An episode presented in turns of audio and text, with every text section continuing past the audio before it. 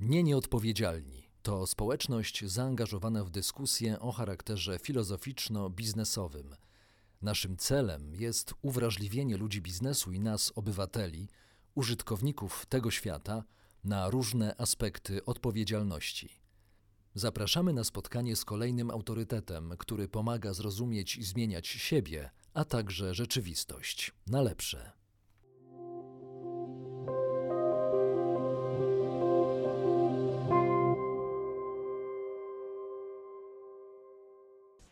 Dzień dobry Państwu. W kolejnej rozmowie w telewizji Nie Nieodpowiedzialnych chciałbym powitać wspaniałego gościa. Jest nim profesor Bogdan de Barbaro, psychiatra, psychoterapeuta, profesor Uniwersytetu Jagiellońskiego. Pan profesor jest też autorem i współautorem publikacji z zakresu psychoterapii, terapii schizofrenii i terapii rodzin. Dzień dobry panie profesorze. Dzień dobry. Panie profesorze, porozmawiajmy o tym, czy jest nam lekko. Po prostu. Czy sytuacja, w której teraz jesteśmy, to jest sytuacja nadzwyczajna dla psychiki człowieka i jeśli tak, to na, na czym polega jej nadzwyczajność? No, y, nadzwyczajność sytuacji jest rzeczywiście wszechogarniająca, powiedziałbym. Dotyka dwóch takich fundamentalnych okoliczności ludzkiego życia, to znaczy poczucia bezpieczeństwa i stopnia wolności. Poczucie bezpieczeństwa jest y, w zagrożeniu, y, a właściwie nasze poczucie bezpieczeństwa jest y, tak targane tym, co się dzieje dookoła, że trudno mówić, żeby ono istniało takie jak zwykle. Bezpieczeństwo psychologiczne, bezpieczeństwo społeczne, bezpieczeństwo polityczne, chciałoby się powiedzieć wszelakie. I to jest dość fundamentalna okoliczność dla naszego samopoczucia, dla naszego komfortu życiowego. A druga okoliczność niezwykle ważna to jest poczucie wolności. Mamy wolność zabraną. Y, to jest związane z tym, że jest epidemia, że są ograniczenia w poruszaniu się, że nam powiedziano, co mamy mieć na twarzy, że nam powiedziano, że wolno być w domu, ale już w lesie nie.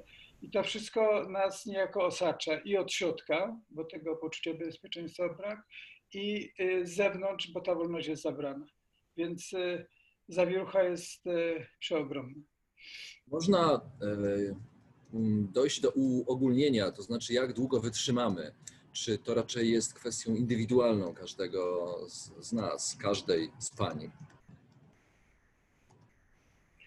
E, rzeczywiście, to każdy ma inaczej dlatego że y, po pierwsze poczucie wolności y, jest dla innych czymś niezwykle ważnym, chciałbym się powiedzieć niezbywalnym, a drudzy są czy to przyzwyczajeni, czy to oswojeni z tym, że nie wszystko wolno i na przykład y, ta okoliczność, że jest się w czterech ścianach własnego pokoju, nie musi być dyskomfortem.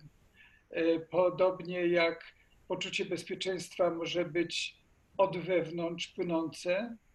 I wtedy, e, jeżeli ja mam na przykład przekonanie, że mnie się nic złego nie dzieje, dlatego że ja mam swoje życie, mam poczucie swojego sensu, mam swoich bliskich, mam sieć społeczną, która może nie jest w tej chwili w takim żywym kontakcie, ale ono istnieje, no to wówczas e, nie będę się obawiał. Innym słowem, e, będzie bardzo wiele zależało od tego, w co jestem wyposażony gdyby, gdyby naszą psychikę porównać do domu, to powiedziałbym, że przyszła wichura, dom został naruszony, ale dla jednych został naruszony w ten sposób, że jest zrujnowany, a dla drugich dalej jakaś przynajmniej jama, przynajmniej jakaś kryjówka została i tam można się czuć jako tako. Więc będzie to zależało, mówiąc w takim skrócie, może nie eleganckim, będzie to zależało od stopnia dojrzałości naszej i od tego, na ile ci, którzy są w pobliżu, w ramach owego dozwolonego pobliża,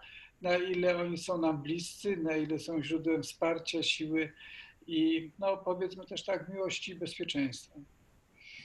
Czy ta dojrzałość, o której Pan wspomniał, jest konstans? To znaczy, czy my musimy dbać o tę dojrzałość, aby wciąż utrzymywać się w miarę w zdrowiu? pytanie można też zadać, zadać szerzej, to znaczy w jaki sposób możemy to, co nas teoretycznie mm, wykańcza, co jest destrukcyjne dla nas, można przeobrazić w pozytywną siłę.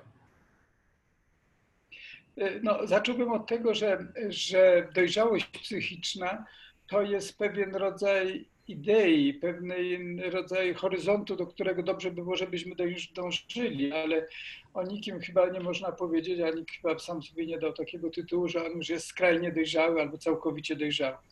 A ta sytuacja, w której jesteśmy, ona nas w jakimś sensie sprawdza, bo y, stanowi szereg wyzwań. Na przykład dojrzałość będzie się wyrażać tym, czy ja potrafię odroczyć realizację swoich przyjemności.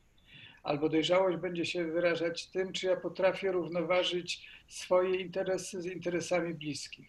Jako przykład podaję. I teraz y, sytuacja, w której się znajdujemy, dokładnie chciałoby się powiedzieć, celuje w tę sprawę. Y, na ile y, ja jestem gotów wytrzymać i czy mnie to bardzo dużo kosztuje, czy nie, że coś, na co miałem właśnie ochotę, muszę przełożyć na jesień. Jakiś wyjazd na przykład. Czy ja też e, będę z tego powodu skrajnie sfrustrowany, wściekły albo depresyjny. Albo czy ja będę potrafił tak współpracować z bliskimi, że chociaż dotąd chodziłem do pracy 16 godzin na dobę, to teraz nie będę chodził do pracy zero godzin na zewnątrz, ale na przykład mój partner czy partnerka będzie oczekiwać, że podzielimy się obowiązkami sprzątania i gotowania. No, będzie to wyzwanie dla tych, którzy się tym nie zajmują. I teraz ta dojrzałość będzie poniekąd mierzona tym, co można by nazwać elastycznością, czy gotowością do przystosowania się do tych nowych warunków. Jeden będzie sfrustrowany i wściekły, a drugi uzna, że trzeba na te warunki odpowiedzieć tak, żeby ci, co są w pobliżu, byli y, w zgodzie i byli w komforcie i żebyśmy potrafili zarówno dawać, jak i brać. A więc to będzie taka kolejna ważna równowaga y, cechująca y, osoby dojrzałe, gotowość do dawania i brania. Złożona sprawa. A co się zacznie dziać z człowiekiem, który zacznie mm, odczuwać, że pomimo szlachetnych założeń, dobrego podejścia, no, zaczyna po prostu nie wytrzymywać tej sytuacji? Jak on będzie nie wytrzymywał? To jest takie pytanie, bo można nie wytrzymywać w ten sposób, że ktoś się schowa e, w jamę własnego wnętrza, schowa się do kryjówki, będzie tłumił emocje, może będzie smutny, będzie zamyślony, no ale to nie będzie higieniczne, że tak powiem, dlatego że wcześniej czy później to napięcie, które się będzie w nim gromadzić, y, może, y, nazwijmy to tak, wybuchnąć. No i biada tym, co będą w pobliżu. No na przykład będzie to y, rodzaj takiej eksplodującej agresji, czy irytacji, czy złości. Ci, którzy będą w pobliżu, a więc ja wiem, dzieci, współmałżonkowie, inni bliscy, albo jeżeli wrócimy do pracy, to nasi podwładni, będą ofiarami y, tego przetrzymywanego napięcia. Y, wydawałoby się, że to zdrowo, że taki jestem teraz y, spokojny, ale to pod warunkiem, że tego napięcia nie wciskam w siebie, tylko potrafię niejako harmonijnie z nim postępować. Może na przykład przy, przy tym sprzątaniu, może na przykład niejako odreagowując na froterce czy na odkurzaczu, a może gotując bigos, nie wiem czy bigos się gotuje czy smaży, ale w każdym razie e, coś takiego robiąc, żeby móc energetycznie e, sobie poradzić także z tym napięciem, które wynika z faktu, że jesteśmy zamknięci. Jakie jeszcze skrajne zachowania człowieka mogą wystąpić oprócz tego, co Pan opisał, tego, oprócz tego zduszenia w sobie emocji, i w ten sposób próby kontrolowania ich. Co się jeszcze może wydarzyć tutaj między ludźmi? Rozumiem, że Pan pyta o sytuacje późne, takie, których się by należało spodziewać, kiedy szczyt pandemii ustąpi, kiedy będziemy wracać, kiedy nam będzie wolność przywracana. No to wtedy będziemy się, najbardziej bym się bał wtedy e, agresji, e, dlatego że e, ta agresja, e, o której przed chwilką mówiłem, to jest ta agresja bezpośrednio odreagowująca na bliskich napięci. Ale ja bym się bał takiej sytuacji społecznej, w której będziemy e, szukać na przykład jakichś kozłów ofiarnych. to my nie potrzebowaliśmy nawet pandemii do tego, żeby wskazywać, że jest ktoś winien za nasze kłopoty. Mieliśmy muzułmanów, mieliśmy y, uchodźców, mieliśmy osoby homoseksualne, dawniej mieliśmy y, Żydów. No jednym słowem, szuka się kozła ofiarnego, na którego można skierować taką społeczną agresję.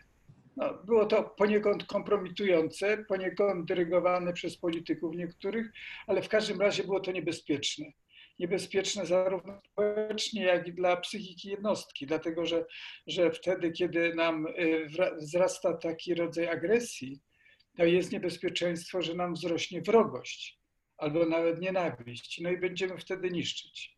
Natomiast y, druga możliwość, y, już nie dotycząca bezpośrednio tej wrogości, y, to jest możliwość niejako odcięcia się, takiego izolowania się od tego, co się dzieje we mnie i na zewnątrz i ucieczki w taki świat ułudy. Będziemy żyli w jakimś świecie, który będzie słabo odzwierciedlał to, co się dzieje w rzeczywistości.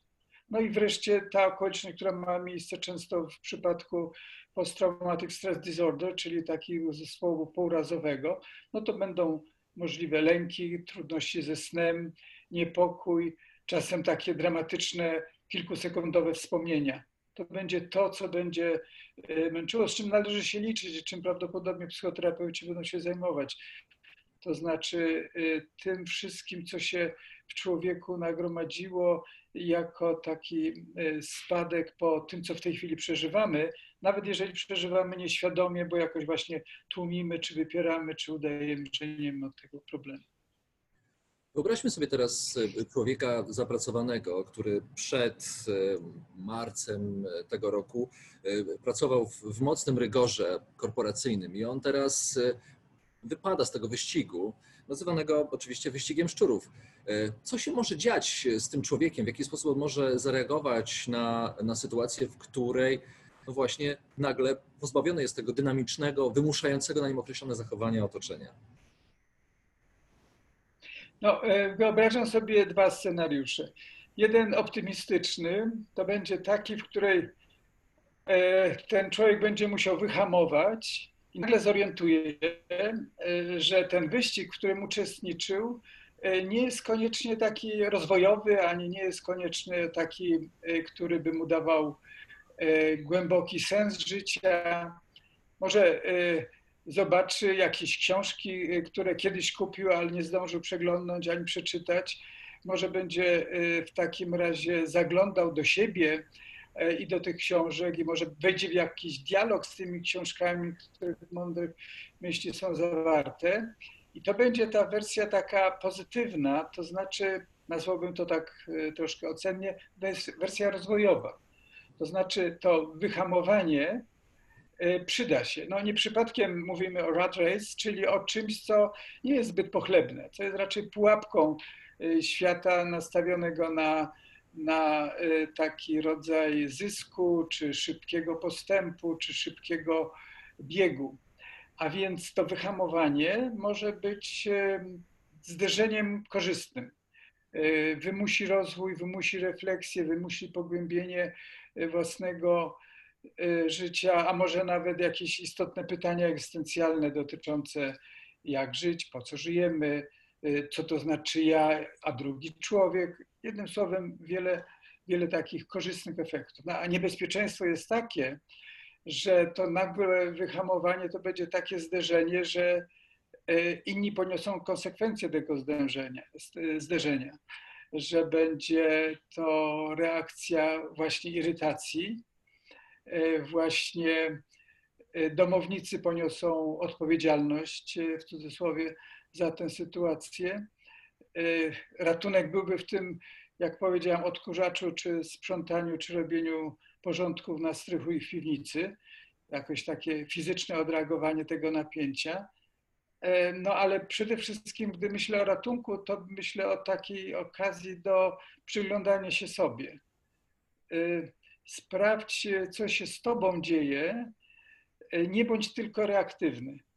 Spróbuj staraj się zobaczyć siebie, co się z tobą dzieje, przyglądnij się sobie, a nuż da się wykorzystać tę, jakby nie było traumatyczną, to nie wątpimy, traumatyczną sytuację do twojego rozwoju. Daj sobie jakieś znaki zapytania, na przykład o, o sens wyścigu szczurów.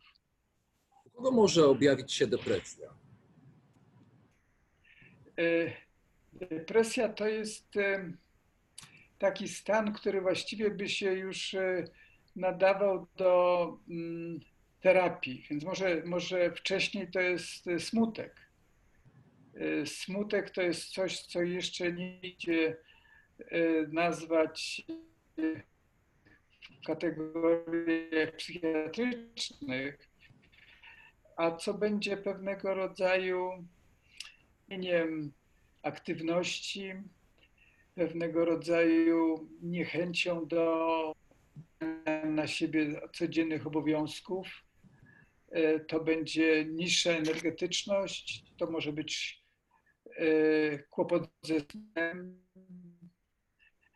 to mogą być kłopoty z jedzeniem, brak apetytu albo nadmierny apetyt, więc nasz e, taki stan biologiczny może ulec pewnemu zachwianiu i tu w pewnym momencie już będziemy przechodzić do tego stanu depresyjnego, a więc takiego, który, który wymaga e, pomocy e, terapeutów czy czasami nawet psychiatrów. No i to będzie właśnie stan pogłębionego smutku, bezradności, apatii. Często temu towarzyszy lęk, często temu towarzyszą zaburzenia rytmu biologicznych. E, No, to będzie także e, z punktu widzenia genezy tego zjawiska, to będzie też tłumiona złość, e, tłumiony bunt na to, co się dzieje. Czy do wachlarza mm, zachowań mm, przeddepresyjnych, jeśli w ogóle mogę tak amatorsko oczywiście to nazwać, będzie należało również sięganie po alkohol? To będzie sposób na odreagowanie. E, Rzeczywiście e, taki sposób, który pozwala e, doraźnie, nazwijmy to, rozerwać się. To nie będzie takie rozerwanie się na strzępy, ale to będzie takie rozerwanie, za które się tam później zapłaci kacem albo bólem głowy, albo i tym i tym. Ale no jest, to, jest to prawdopodobne, że że gdyby to miało się stać taką cowieczorną rutyną, no to, to budzi to niepokój y, i to jest y, ryzykowne. Znacznie zdrowsze jest oglądanie niektórych stacji telewizyjnych, proszę zauważyć, powiedziałem niektórych, i znacznie zdrowsze jest y, czytanie książek albo oglądanie komedii romantycznych. A, a poruszył Pan to znaczy y, jak zadbać o higienę psychiczną. No i jeżeli to będzie jeden kieliszek czerwonego wina, to pół biedy, ale jeżeli to miałoby być sposób na, na tę frustrację, taki sposób y, y, wręcz jedyny, no to to nie jest y, dobre. O ile się orientuję, wychodzenie czy przechodzenie od jednego kieliszka czerwonego wina do drugiego i do trzeciego jest już dosyć proste. E, Co, mm, co, co wtedy? To, to znaczy, jak radzić sobie samemu e, czy samej w sytuacji, w której rzeczywiście my to zauważamy i jeszcze wydaje nam się, że kontrolujemy. Jak sobie e, radzić po prostu? No, e, jedna metoda to jest nastraszyć się, to znaczy zdać sobie wyraźnie sprawę z tego, że to e, rzeczywiście płynne przechodzenie, nomen omen płynne z tego jednego do kilku kieliszków e, codziennie jest e, niebezpieczne. Takim sprawdzianem dobrym, mówią ci, którzy się zajmują pomaganiem osobom uzależnionym, to jest e, sprawdzenie, czy kosztuje cię wiele, jeżeli jeden albo dwa dni w tygodniu e, nie sięgniesz w ogóle po ani jedną kroplę alkoholu. Jeżeli cię to kosztuje, jeżeli cię to frustruje, jeżeli cię to niepokoi, że nie możesz mieć tego kieliszka, to znaczy, że jesteś w sytuacji ryzykownej. Więc zadbaj o siebie, bo e, umieranie na na przykład raka wątroby albo utrata zdolności psychicznych i inne kłopoty związane z chorobą alkoholową są na tyle poważne, że e, ta przyjemność doraźna nie równoważy tych skutków, które czekają osobę uzależnioną. Zastanawiam się teraz nad e, takim przywiązaniem do portali informacyjnych i do telewizji informacyjnych, przynajmniej tych, które silą się na obiektywizm. To znaczy, czy to też jest forma tej takiej autoterapii, czy ucieczki do, do wewnątrz, którą jeszcze możemy kontrolować? Powiedziałbym tak, że jeżeli program informacyjny mnie wzbogaca, jeżeli staram się opuścić tę bańkę informacyjną, która mnie czyni jakimś ortodoksem i dogmatykiem, no to wtedy może to być rozwojowe. Oczywiście też pod warunkiem, że to jest y, nie 24 godziny na dobę albo co gorsza 25, ale że to jest taka dawka, która pozwala mi być w kontakcie z rzeczywistością. Zadbać o siebie, to znaczy zadbać o swój krajobraz wewnętrzny, a ten mój krajobraz wewnętrzny będzie y, wyznaczony przez to, co do mnie wchodzi. Y, jaki program, czy taki, który sieje nienawiść, który fałszuje rzeczywistość, czy taki, który stara się właśnie w sposób zrównoważony rzeczywistość pokazać, pogłębić, zaciekawić mnie światem, a nie sprowadza się tylko do e, insynuacji i napastowania na e, jednych na drugich e, nasyłania. A więc to jest część mojej dbałości o siebie samego, kogo wpuszczam do siebie. No więc kogo, to znaczy jaki program, jak długo i w jakim celu. Jest niebezpieczne, kiedy będę takim, e, przepraszam za wyrażenie, żarłokiem, który tylko tak będzie cały czas tę papkę spożywał, nie dbając o swój przewód pokarmowy. E, więc e, jest to niebezpieczne. No, troszeczkę z pewnym ryzykiem uogólnienia powiedziałbym, że jest to nieodległe od tego, co nazywamy uzależnieniem od alkoholu. My się możemy uzależniać od alkoholu, my się możemy uzależniać od, od programów telewizyjnych, od seriali, od, od wszystkiego, co jest tak zwielokrotnione, co jest tak gęste i co jest tak bez, bez przerwy. To jest niebezpieczne. Warto zadbać o, o wachlarz. Jasne. I teraz wreszcie, korzystając z okazji, że, e, że mamy Pana e, zarówno i w obrazie, i w dźwięku, e, jak wygląda teraz praktyka psychoterapeutyczna? O to chciałbym na koniec zapytać, czyli o, o Pana aktywności zawodowe, Panie Profesorze. To jest ciekawa historia, dlatego że większość pacjentów i większość superwizantów na początku z dystansem do teleterapii i telesuperwizji e, właściwie coraz bardziej się skłania do korzystania z tego sposobu. Ja e, zawiesiłem przyjmowanie pacjentów w gabinecie, ale nie zawiesiłem e, współpracy terapeutycznej właśnie poprzez Skype'a, czy poprzez Zooma, czy poprzez inne komunikatory, czasem poprzez telefon, czasem poprzez WhatsAppa. I okazuje się, wbrew moim wstępnym obawom, że to jest metoda e, wprawdzie ułomna, e, niewątpliwie ułomna, ale jednak e, lepsza niż zawieszenie tej współpracy czy tego działania. Już nie mówiąc o tym, że wiele osób jest w tej chwili w sytuacji dodatkowego stresu i dodatkowo potrzebuje pomocy, no tak jak e, interwencja kryzysowa jest czymś, co nie jest takim regularnym procesem, ale gotowością do, do e, przyniesienia pomocy nagle. Dzisiaj znalazłem w takim piśmie amerykańskim określenie mikroterapia. Czasami jedno spotkanie może być, e, może być pomocne i może się bardzo ludziom przydać, a w dzisiejszych czasach szczególnie. A więc Y, dzięki temu, że ta technologia pozwala widzieć, słyszeć nie tak doskonale jak w bezpośrednim kontakcie, ale jednak, no to możliwe jest y, utrzymywanie kontaktu terapeutycznego także, czy tego superwizyjnego. I pamiętam paręnaście dni temu, czy trzy tygodnie temu, gdy po raz pierwszy y, na komunikatorze mieliśmy taką telesuperwizję, to y, zamiast superwizować nasze terapie, pierwszą godzinę mówiliśmy o tym z ulgą, że się widzimy. I było to nam przydatne, bo terapeuta, który byłby w kryzysie, by się chyba gorzej przydawał niż taki, który jakoś trzyma się.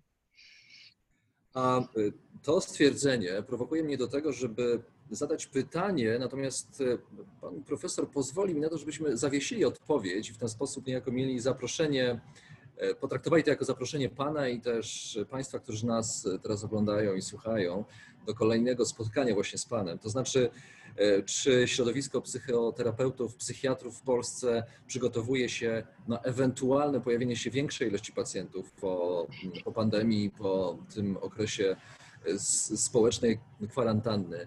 Tak więc, jeśli przyjmie Pan zaproszenie, to będzie nam bardzo miło. Tak, a na, na razie mam zakasywać rękawy, tak? Na to wygląda, chyba, chyba na to wygląda. E, e, No i chyba też do tej pracy w ogródku, bo wiem, że rozmawiamy e, w Pana domu, który jest na wsi, tak jak Pan nam to powiedział, jeszcze Tak, tak, nawiązaliśmy to połączenie. Z tyłu widać kawałek, kawałek zieleni, tak. Tak, Dziękuję za rozmowę i dobrego dnia. dziękuję. Dziękuję, do widzenia.